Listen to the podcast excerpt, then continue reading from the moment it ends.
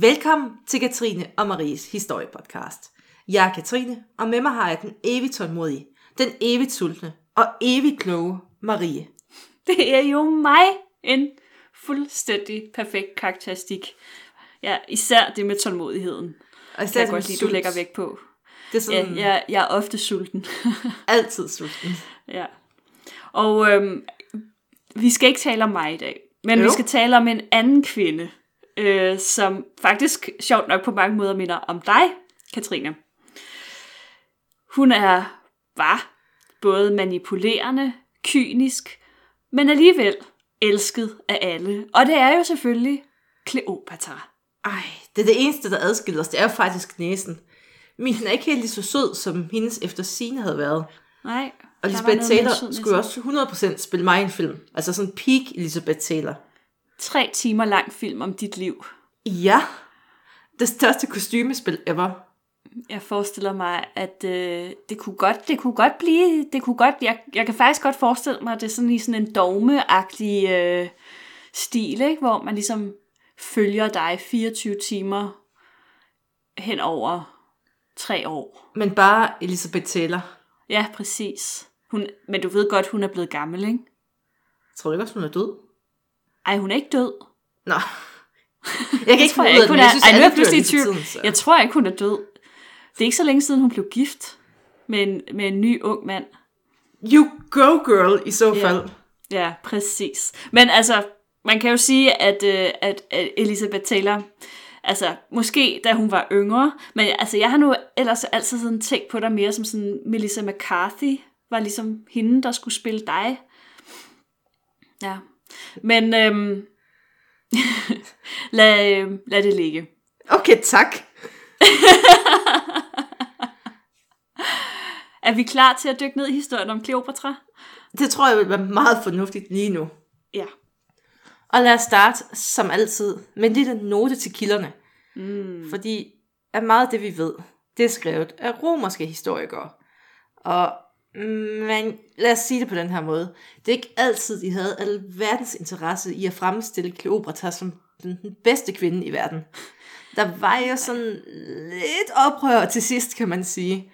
Ja, Så, så, altså det er jo ja. ja. altid det der med historien. Hvem er det, der skriver historien? Ja, og hvornår hvilket er det lige, det de bliver gerne... skrevet. Meget af det, det Ja. bliver skrevet efter, hun var død. Og, Og sådan noget, ikke? Og man vil måske gerne sætte hende i et lidt dårligere lys. ja, eller nogle gange Ja. lidt bedre lys, alt efter ja. hvad ens interesse var. Så mm. vi prøver at ramme ind sådan Ja. en gylden middelvej på det her. En gyld. Fordi altså, hun var jo nok ikke sådan helt uskyldig, trods alt. Men nok heller ikke den største skurk, du ved.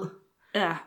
Men bortset fra det, så skal vi jo sådan set tale om nogle sådan ret voldsomme ting, som øhm, søstermor, sex og storpolitik og incest. Mm, de tre S'er og det ene I, vi godt kan lide. Præcis. Ej. Nå, da Kleopatra, hun kommer til magten i 51 før vores tidsregning, så er det, man kalder den gyldne tidsalder i Ægypten over. Der bliver ikke rigtig bygget de her store pyramider længere. Det er ikke, det er ikke dem, der er den førende i den antikke verden længere. Mm, mm. Og hun kommer egentlig til magten, fordi hendes far dør. Og han havde fire børn, og de skulle dele magten ligeligt mellem de to ældste. Både den ældste dreng og den ældste pige. Drengen, mm. han er 13 år gammel, og den ældste datter, det er Cleo, og hun er 18 år gammel. Mm. Og vi har jo rørt det her emne før, Marie. Ja. Ægypter og indavl i kongefamilien. Ja. Og det er del med os et tema i den her tankegang.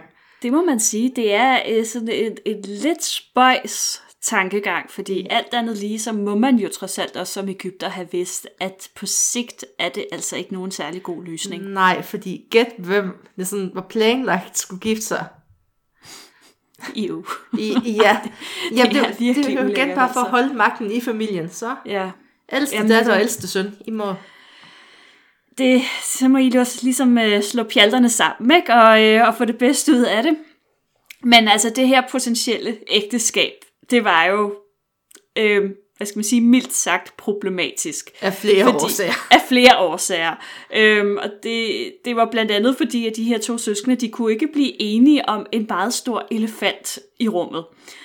hvordan de skulle forholde sig til den nye supermagt, nemlig Rom. Imperiet, det voksede voldsomt, og det havde også etableret sig i Ægypten på det her tidspunkt. Og spørgsmålet for familien, det var nu, om man skulle kæmpe mod romerne, eller om man skulle alliere sig med dem.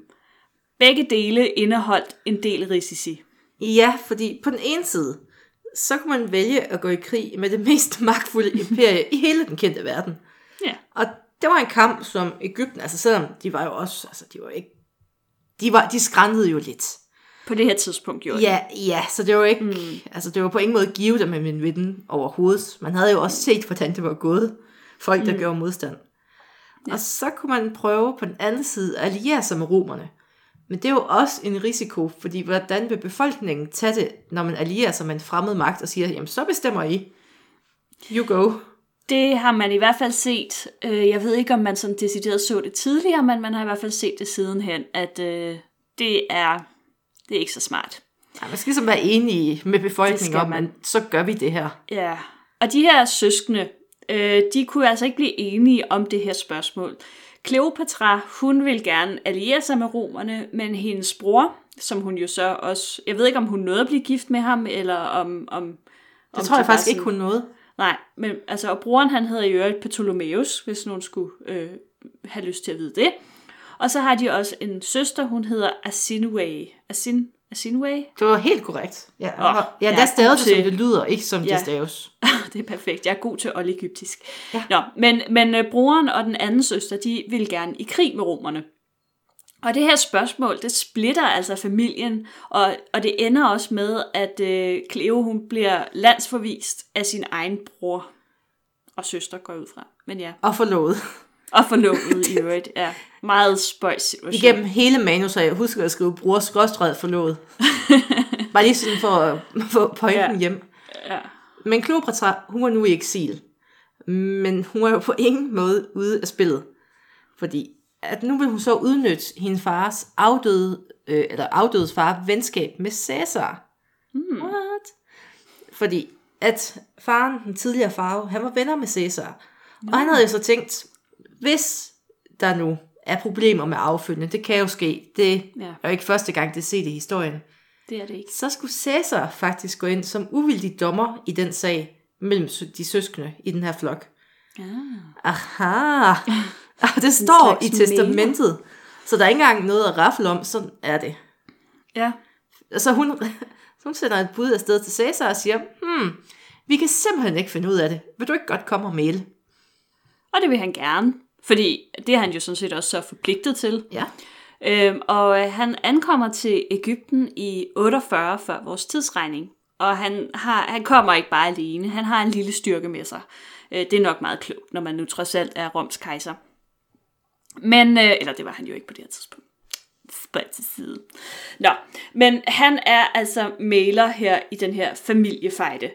Cleo, øhm, og, og, og nu skal vi lige huske på, at, at de her kilder, de er altså skrevet omkring 300 år efter begivenhederne har fundet sted. Det, det kan man lige have med sådan et mente, øhm, og, og det farver måske historien lidt. Men altså, de siger, at Kleopatra, hun, hun vælger at forføre Caesar for at få sin vilje. Og det er vi jo, altså det ved vi jo, som kvinder, det er den eneste Ja. måde, vi kan få vores vilje for, på her i den her verden. Det Der er jo ikke noget med, at man kan være snu eller noget som helst. Eller klog. Altså, Ej, Ej, der er simpelthen klog der er kun én måde. øhm, men man kan sige, at på den anden side, så er det måske i virkeligheden et lidt snedigt træk, fordi det ville potentielt være fatalt for hendes lillebror og lille søster. Ja, det. Men der er bare lige et lille bitte men. Lille arbejde bare. Fordi at hun er jo teknisk set stadig i eksil Kleopatra. Ja. Og det er jo ikke bare sådan, hvis man er i eksil, man kan komme valsende ind og sige, hej så, Hello! hallo. så derfor siger legenden, kan man altså, at Kleopatra, hun er i en lille bitte båd, og bliver sejlet ind i Alexandrias havn, sådan i ly af mørket. Men hun skal jo stadig ind på paladset. Så derfor, hun er sådan, hun er sådan en rimelig petit kvinde efter sine. Så gemmer hun sig i en sæk med sengetøj, og bliver båret direkte ind til Caesar. Ah. Gemmer sig. Og tada! Og her ligger hun så og venter på det rigtige øjeblik, sådan for mest effekt, hvor hun skal afsløre sig selv. Det er sådan en egyptisk udgave af det med, med striberen, der kommer ud af en kage, eller sådan et eller andet. Så er der en, Kommer en ud der kommer ud af en pose sengetøj. Men øh, man kan sige, det er alligevel det er sådan en rimelig øh, direkte måde at, at gå til sagen på, må man sige. Øh, at hun bliver sådan faktisk leveret til soveværelset. Og nu har vi så en situation, hvor vi har en meget målrettet, tilsyneladende meget smuk 22-årig, der ender hos en 52-årig kejser. Og øhm, jeg tror ikke, man behøver vanvittigt meget fantasi for ligesom at forestille sig, hvordan Cæsar han har reageret. Øh, og hele den her scene med forførelsen af Cæsar, den går også over i historien som en af hendes største bedrifter. Det synes jeg er lidt en tvivlsom ære, ærligt talt. Altså, jeg synes alt, hvor man bliver smuglet ind i en sæk, det, okay. det, det er ret højt på bedriftsstigen. Selvfølgelig, hvis vi, hvis vi ser det fra den vinkel. Men selve forførelsen, synes jeg nu måske... Ja, den, den lå nok mere til højre benet. Ja. Men jeg synes mere vejen ind til, den fortjener mm. lidt, uh, lidt props. det er rigtigt. Og næste morgen, så finder lillebror ud af, hvad der er sket. Fordi der er stor søster Cleo tilbage. Og han finder jo også ud af, hvor hun har tilbragt natten henne. Og han kan jo godt lægge to og to sammen. Mm. Og han ved godt, at det her, det er potentielt rigtig, rigtig, rigtig skidt. Fordi nu har hun ligesom fået et trumfkort i den her arvefølge strid, de her kørende. Ja. Så han reagerer som en ægte teenager. Han er jo ikke særlig gammel på det her tidspunkt. så han tager sit diadem, smider det på gulvet, og skriger, at han er blevet forrådt. Som enhver øh, fornuftig øh, ung mand jo vil gøre det. Jeg kan godt lide, at han har et diadem. Jamen, jamen det er jo den, den er hovedet. Jeg ser for mig sådan, Ja. ja. en, sådan lidt... Ja. Jamen, altså, Men, jeg tror, efter, efter sine var han meget forfængelig. Ja, Det bliver så også... Altså, altså, det er selvfølgelig men- baseret på romersk historie. Og det Jo, kan vi snakke om senere, når vi kommer til, vi. hvordan han dør, fordi at der er også lidt... der er også lidt, øh, lidt der. Men altså, man kan sige, på den ene side, så havde Cleo jo så vundet Caesar. Men hendes affære med ham blev jo så anset som øh, forræderi. Og øh, forholdet mellem Ægypterne og romerne, det blev ikke lige frem bedre. Tværtimod, så kan man sige, det blev bare værre og værre. Og der var også en række mere eller mindre koordineret angreb på de romerske tropper på det her tidspunkt. Ja, og Kleopatra og Caesar, de kan jo godt se, hvilken vej det går. Mm. Så derfor bliver det lige pludselig meget vigtigt at få Kleopatras søskende, altså simpelthen placeret i en situation, hvor de ikke kan lede den her modstand mod romerne. Mm. Og altså, fordi så vil det blive en ægte trussel, hvis man får det her organiseret. Ja. Så derfor så, gør, så tager man den romerske løsning, og så får man Agafinve og øh, hendes bror, man tager dem simpelthen som gisler, Ja. og siger, nu passer vi lige på, at I ikke kommer ud og allierer jer med de her modstandsfolk. Simpelthen. Bare bliv her. Det er super. Jamen, det, er, det er en virkelig effektiv måde at ligesom gøre sådan noget på. Ja, ja, nu har jeg jo læst, øh, hvordan øh, den romerske historiker sådan ligesom havde sådan formuleret det. Ja. Og det, og det var sådan noget med, at det regner med pile over romerne. Og hvis Caesar han ikke kunne vinde, så kunne han mindst vise Ægypterne til deres faraos hoved. Det var så lidt, okay, cool. Ja, jamen, øhm, sådan. Og øhm, altså, det, det, er jo, det er jo ikke helt nemt, det her, fordi Caesar og de romerske soldater og Kleopatra, de er fanget indenfor i paladset, og så har du det her med, at det regner med ildpile simpelthen Det var, de, udenfor. de ville jo gerne sætte ild til dem, så Ja, det er fedt. Og øhm, forstærkningerne, de er altså ikke lige om hjørnet. nej. De er sådan nærmest flere uger væk. Jamen, de er jo helt i Syrien, så... Ja, så der er altså lige Nej, et stykke vej. Jo, Jeg ved ikke, men anyways, øhm, det her er i hvert De er fald langt væk. en meget uholdbar situation. det må man sige. Og, men man bliver jo ikke sådan en supermagt uden grund, så man er jo også lidt listig for romernes side. Mm. Så derfor, vejledt af Kleopatra, så får man en lille gruppe romerske soldater ud af paladset. Og det er så måske en af de klogeste afledningsmanøvrer, jeg nogensinde har hørt om. så går de ned til havnen, sætter ild til skibene. Bum. Ja, ja. Så fra skibene så breder ilden sig så videre ud i byen. Ja. Og så er det som om, at de her oprør ikke rigtig har tid til at bevogte paladset længere, fordi hele Alexandria brænder nu. Så de får travlt med andre ting. Det gør de nemlig. Ja. Og så er det jo romerne, de bare, altså så tænker de, ved hvad? Jeg tror, vi går nu. Ja. Og så er, det bare ud, Hej, hej. så er det bare ud af paladset for at finde et nyt sted at gemme sig. Det er jo det. Genialt, og, øh, synes jeg. Ge- genialt. Og så kan man jo så spekulere på, hvor, hvor genialt det så er at blive ved med at gemme sig i Alexandria. Hvor, Hvor skal man de gå hen, Maria? Der er ørken udenom. Ja, ja okay. og de har jo selvfølgelig lige sat ild til alle skibene, så de kan heller ikke rigtig sejle væk. Men øhm, de vælger et, øh, et diskret øh, sted at gemme sig, nemlig verdens syvende vidunder, fyrtårnet i Alexandria. Og der var sådan set flere taktiske grunde til det her. For det første så var det en, en meget nemmere position at beskytte det her fyrtårn. Derudover så øh, fik man så også lige fuld kontrol over skibene, der sådan sejler ind og ud af Alexandria. Og det er jo til hver en tid noget, man gerne vil have, hvis man vil have magten i et område. Der var bare en lille detalje, de nok skulle have tænkt over. Mm. Fordi under flugten, der lykkedes det faktisk for Ansinway at flygte eller blive reddet. Altså kilderne er sådan lidt 50-50 på den. Ja. Men jeg tænker, hvis hun bare er lidt som sin søster, mm. så tror jeg også selv, hun kunne finde ud af at flygte, hvis det var. Det tænker jeg. Og hun bliver så ført, eller møder op selv ved lederne af oprøret, og bliver udnævnt som dronning. Fedt.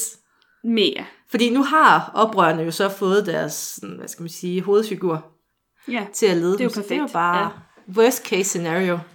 Og øh, man må også sige, at i starten, der går kampen mod romerne jo sådan set ret godt.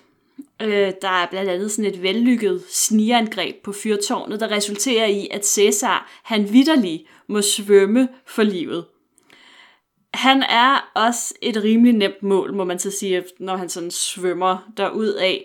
Øhm, blandt andet fordi han har sådan en ret tung brystplade på, hvilket for det første må have gjort det sådan lidt svært at holde sig oven vande.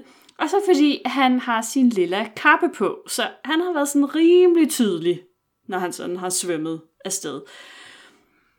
Og man kan nemt øh, forestille sig, hvad det er, bueskytterne de sådan sigter efter. De må bare have tænkt, haha, Haha, og lille kappe mål, der markeret og det hele. Præcis. Altså, Altså, Jamen det er det ikke. Men altså, så, øh, så tænker han også, det er ikke skide smart det her, så han smider den lille kappe, og så svømmer han endnu længere til havs. Jeg ville også mene, at han skulle smide brystpladen. Men det gør han ikke. det Man er vel kejser. Ja. Og man kan jo sige, kejseren af Rom, han har lige fået en røvfuld af en teenagepige. Hmm. Fedt. Altså, han indtager et fyrtårn, og så lykkes det for dem at tabe det. Og han får så han kryber tilbage til Kleopatra, og sådan, han er virkelig slået. ja. Men for Ansinway, så er det her jo kæmpe, kæmpe stort. Og det her fyrtårn, det bliver sådan et symbol på kampen mod Rom. Og hun, altså, hun er jo heller ikke sent til at udnytte det, fordi de finder jo den her kappe, han har smidt.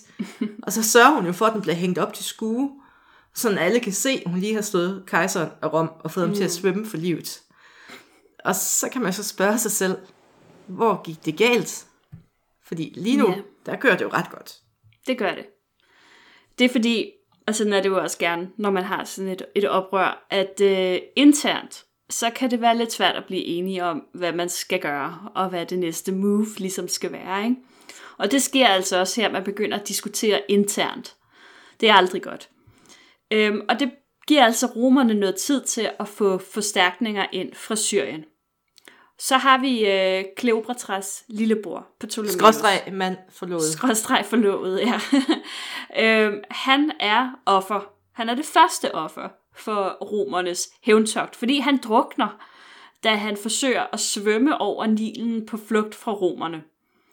Og øh, efter sigende, så, så drukner han, øh, fordi han nægter at tage sin øh, guldrustning af.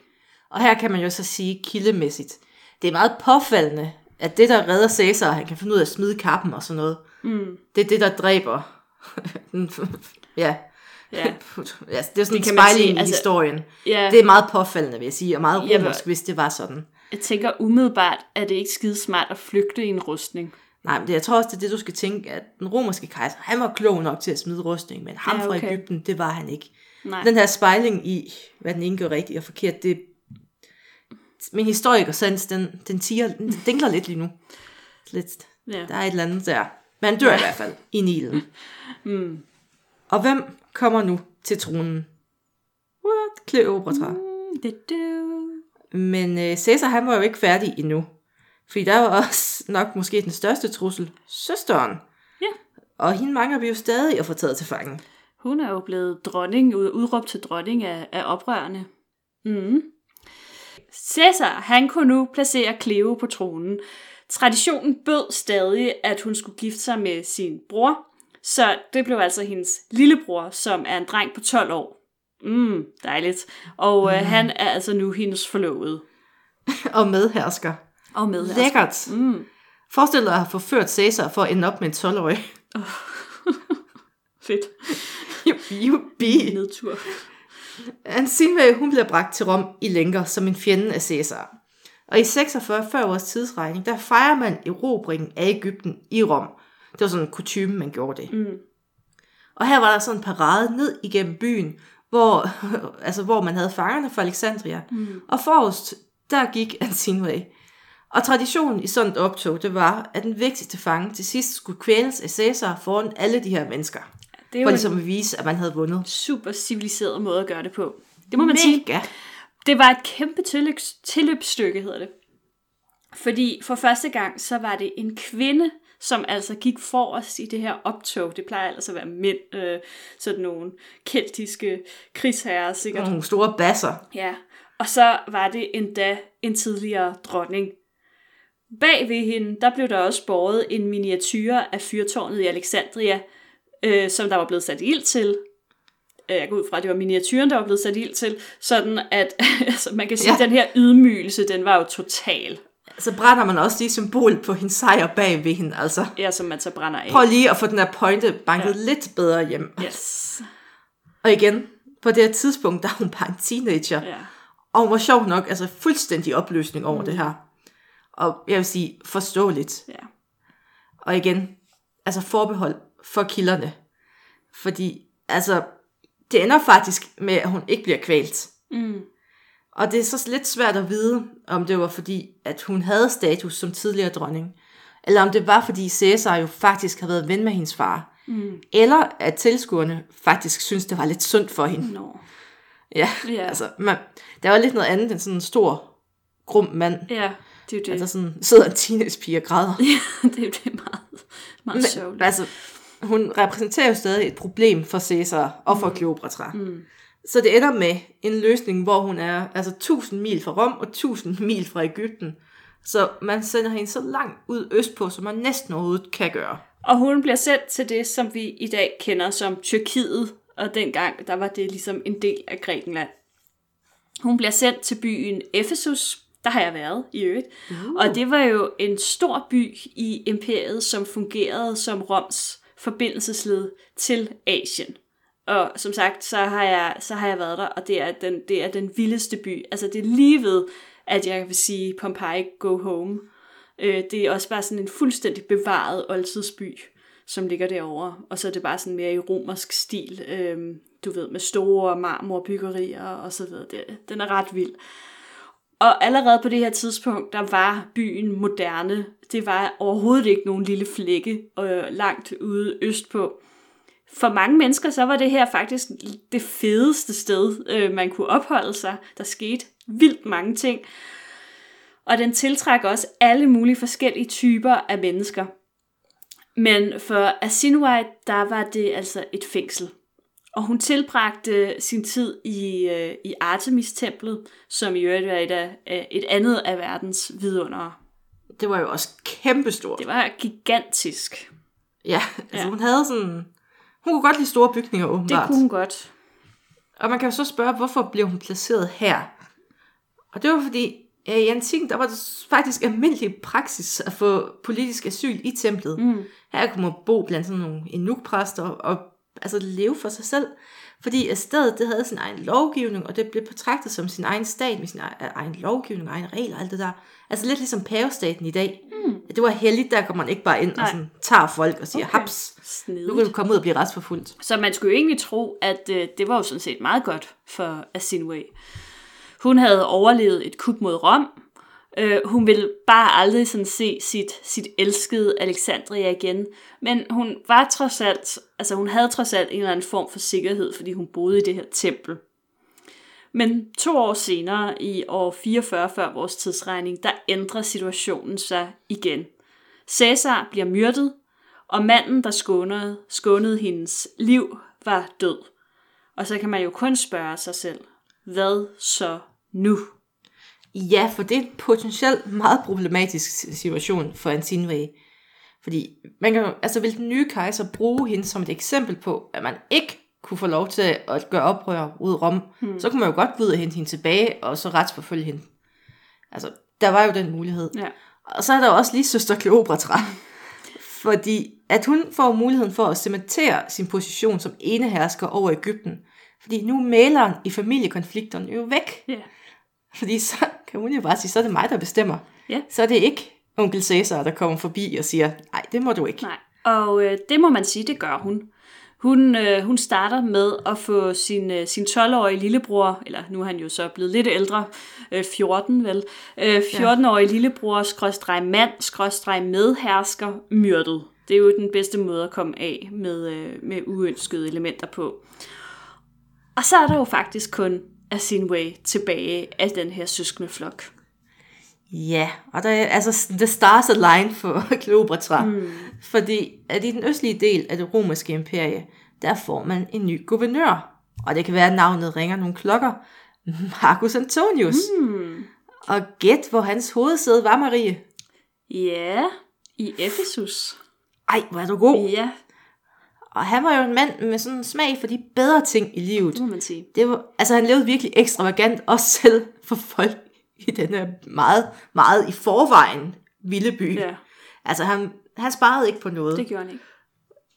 Og der var lige det problem, at han bare ikke sådan rigtig havde penge til at finansiere det her. Så ret hurtigt, så var han jo teknisk set bankerot. Fedt.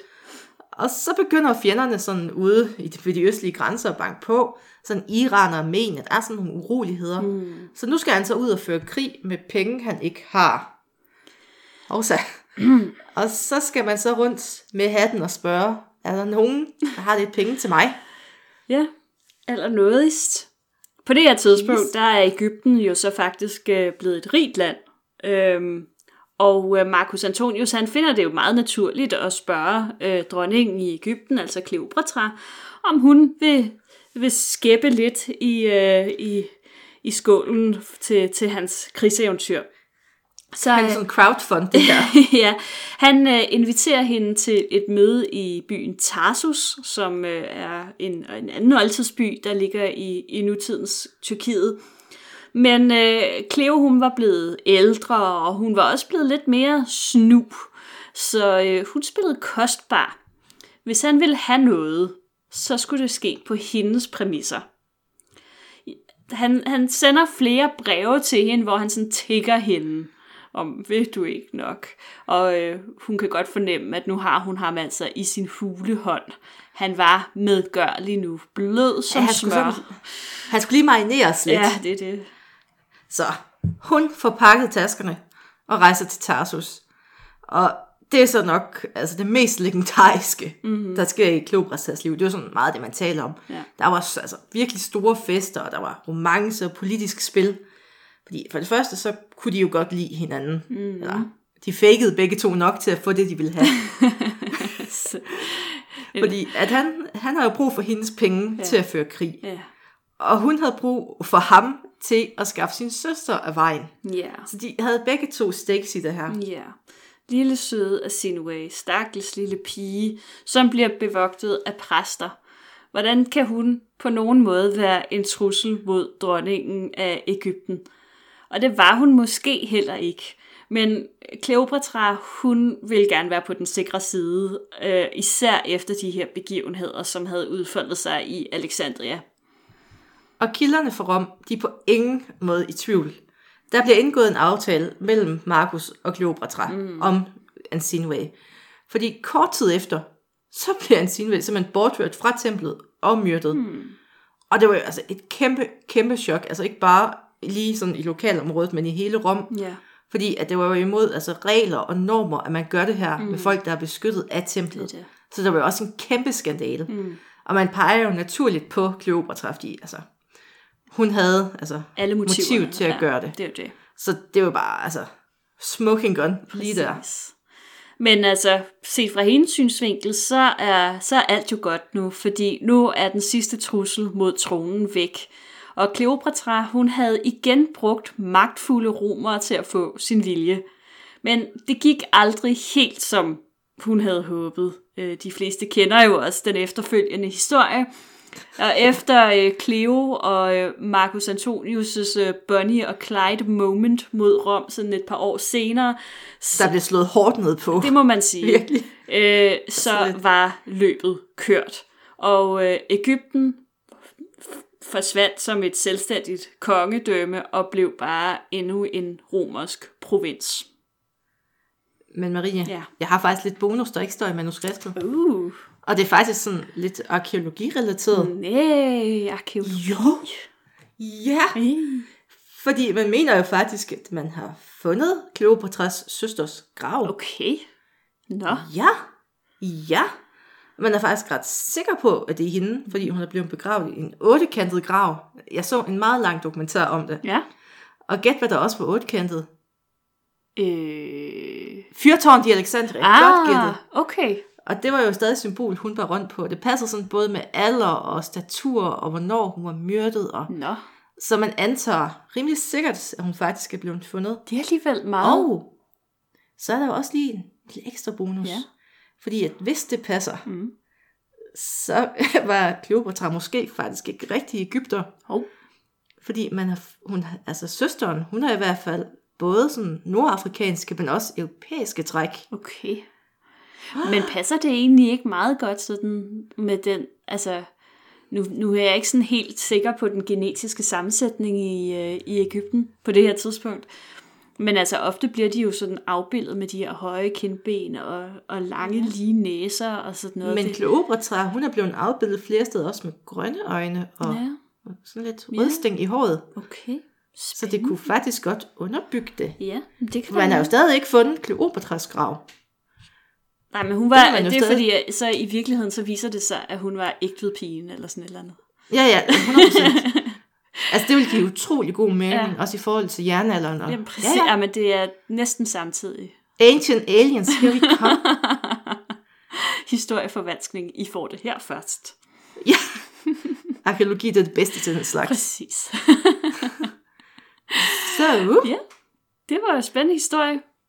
Og så fik du lidt bonusarkeologi. Ja, men det var dejligt. Og faktisk Hashtag også lidt, trademark. øh, lidt forfriskende med, med sådan en, en anden, øh, hvad skal man sige, historie om Kleopatras liv. Man plejer jo gerne bare at høre om, Hun var om sød og havde pæn næse. Ja, og den sidste del og det var af hendes det, liv, og faldt for. selvmordet og så videre, ikke? Så, øhm, Altså, der er kun- kun to ting, kvinder i antikken, de kunne være. De kunne enten være altså, sexsymboler, eller de kunne være virkelig manipulerende. Ikke sådan ud fra kilderne. Der var ingen mellemvej. Så det er godt lige at få nuanceret det lidt. det må man sige. Og med Fordi de der er ord, nogle gange, så bliver hun jo bare altså, fremført som en eller anden bimbo, der sådan gik ind til alle de her romerske mænd og viftede lidt med halen, og så fik hun lige det, hun Jamen, havde, hun altså, det er, jo, det er jo gerne sådan, at kvindelige hersker bliver afbildet. Jeg, jeg er lige i gang med en, en bog, der handler om Elisabeth den første. Og allerede i hendes samtid er der jo, jeg ved ikke, hvor mange rygter om, hvor promiskuøs hun er, og, og, og det kan godt Ah. være, at hun sådan udad til siger, at hun er jomfru, men alle ved jo, hun lægger i med alle mændene ved hoffet. Og Og der ligesom Katarina den Store Jamen også. præcis, altså, det har åbenbart været sådan en, altså, man sætter ligesom spørgsmålstegn ved kvinderne sådan øh, evne til at kontrollere deres egne drifter. Øh, og, og Jamen, sådan er vi bare. jamen, altså, vi mænd, er de, de har ingen chance. Overhovedet ikke. Man skal bare gå hen og sige, please, af, og så får man lige det, man vil have. Ja, som, Det er sådan, kvinder får magt. som min far han plejer at sige, hvis jeg kommer og siger, far, så siger han, hvor meget koster det? Iu! det lød forkert. Kun i et forkert hjerne. Og med de ord, tak fordi I lyttede med.